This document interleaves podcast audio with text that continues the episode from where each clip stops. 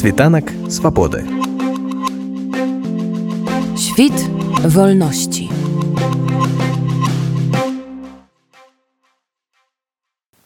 Гаспадарю раз. Зараз рыхтуюцца выбары новага складу каардынацыйнай рады і сярод прапанаваных канцэпцыяў ёсць у тым ліку і ваша. Ці можаце вы распавесці у чым палягаюць асноўныя так бы мовіць моманты той канцэпцыі арганізацыі выбора якую прапануеце вы? У аснову канцэпцыі пакладзена бачання якімі функцыямі павінна валодаць каардынацыйная рада. Дзеля чаго гэты орган? Што можа быць створана пазней на яго аснове ў дэмакратычнай беларусі якім чынам наяўнасць каардынацыйнай рады паспрыяе развіццю сітуацыі з набліжэннем дэмакраты ў нашай краіне.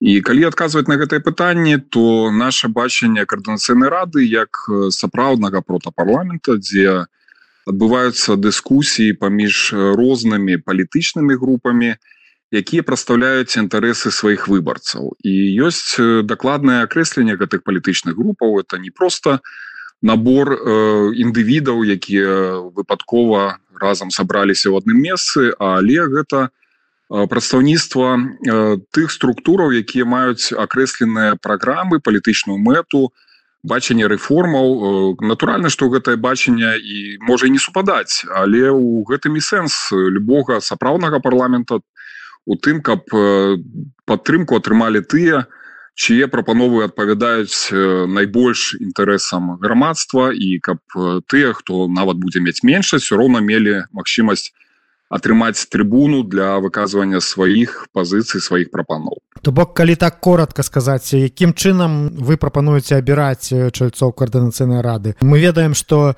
традыцыйна скажем так у беларускіх парламентах якія яны там былі галасавалі за канкрэтных людзей по таких так званых аднамандатных акругах.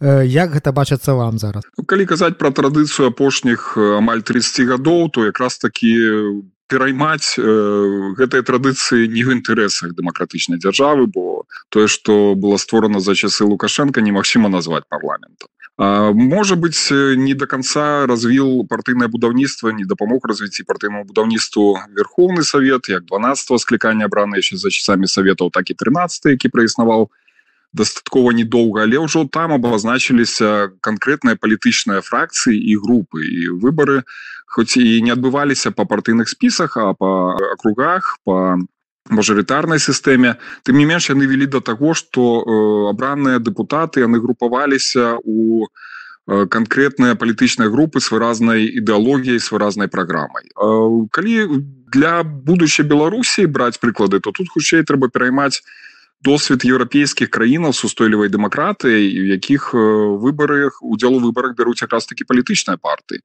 тут есть выключэнні тут могуць быць выключэнні для пэўных грамадскіх групаў і рухаў як напрыклад в Польше свой час сённяшняя партыя платформа абывательская пастала якраз такі як грамадскі рух і там не менш прыйшла ва ўладу і свой час кіравала краінай зараз ужо у складзе коаліцыі напэўна будзе працягваць гэты досвед.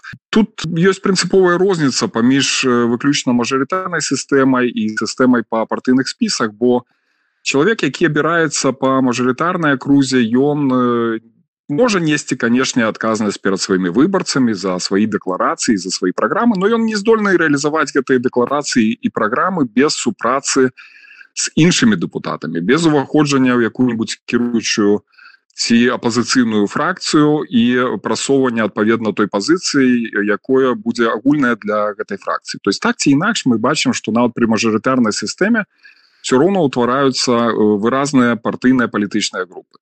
І э, пры змешанай сістэме э, калі партыі бяруць пэўны процент галасоў яны пасля набіраюць сваю вагу за якраз таки за кошт у кандыдатаў э, мажарытарнікаў якія далучаюцца до той ці іншай групы. Таму ізноў это працэс непазбежны. Адзіночка ў парламенце можа адседзець свае чатыры гады нічога не рэалізаваць э, э, не зрабіць з таго што ён абяцал выбарцам і просто пасля ну хутчэй за ўсё ганебна сысці. Хаця бываюць канешне выключэнні для вядомых і выбітных асобаў але гэтыя асобы не у робяць палітыку у дзяржаве.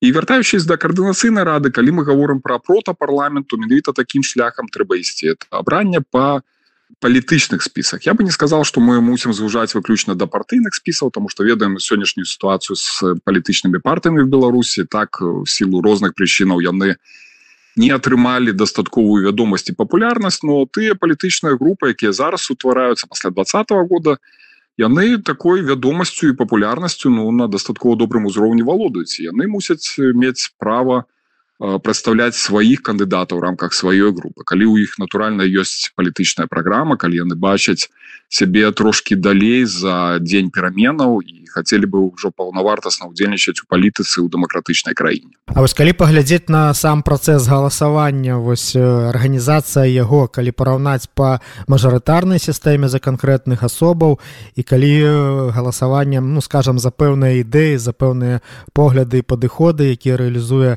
тая ці іншая палітычная група.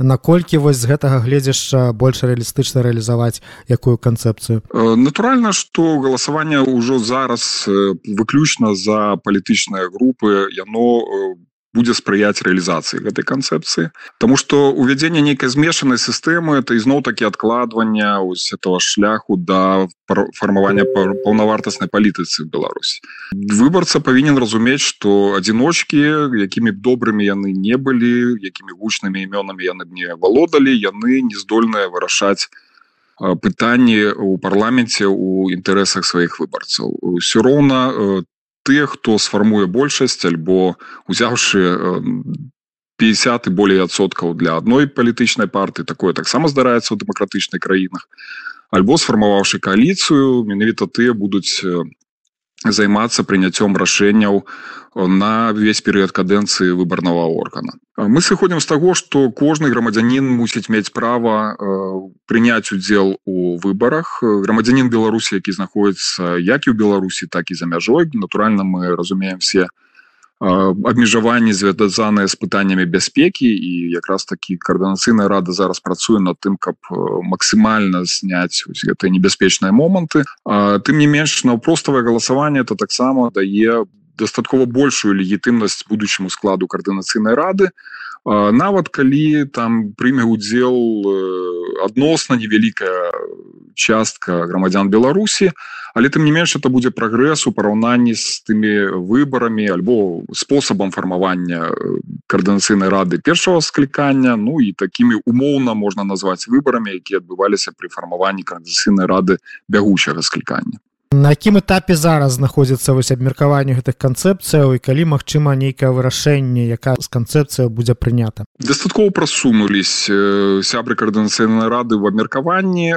Яшчэ не все пытанні выносіліся на агульнае галасаванне но гледзячы по тых тэндэнцыях і настроях якія ёсць у працоўных групах то якраз тая прапанова якая была зроблена нашай фракцыі яна бярэцца за аснову. а на сёння дыскутуецца якраз такі нюансы вакол больш дакладнага афармлення гэтай прапановы но э, я покуль не бачу што магчымы адкат да нейкай змешанай міксаванай сістэмы дзе у нероўных умовах выступаюць і людзі якія знаходзяцца ў палітычных спісах і кандыдаты на адзінаасобнікі і тыя хто можа атрымаць сваё месца ў будучай каардынацыйнай радзе дзякуючы нейкім квотам альбо дэлегаванню ад структураў то есть такія падобныя смешаныя сістэмы яны па-перша ускладняюць магчымасць выбора для саміх выбарцаў по-другое яны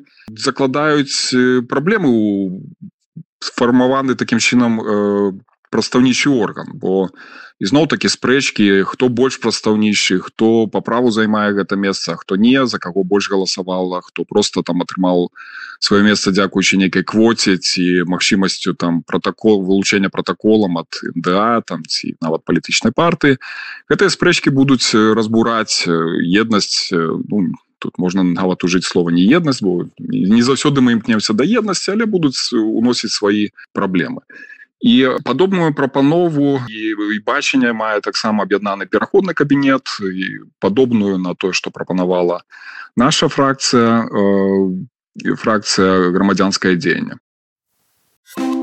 світанак свабоды. Світ вольнасці у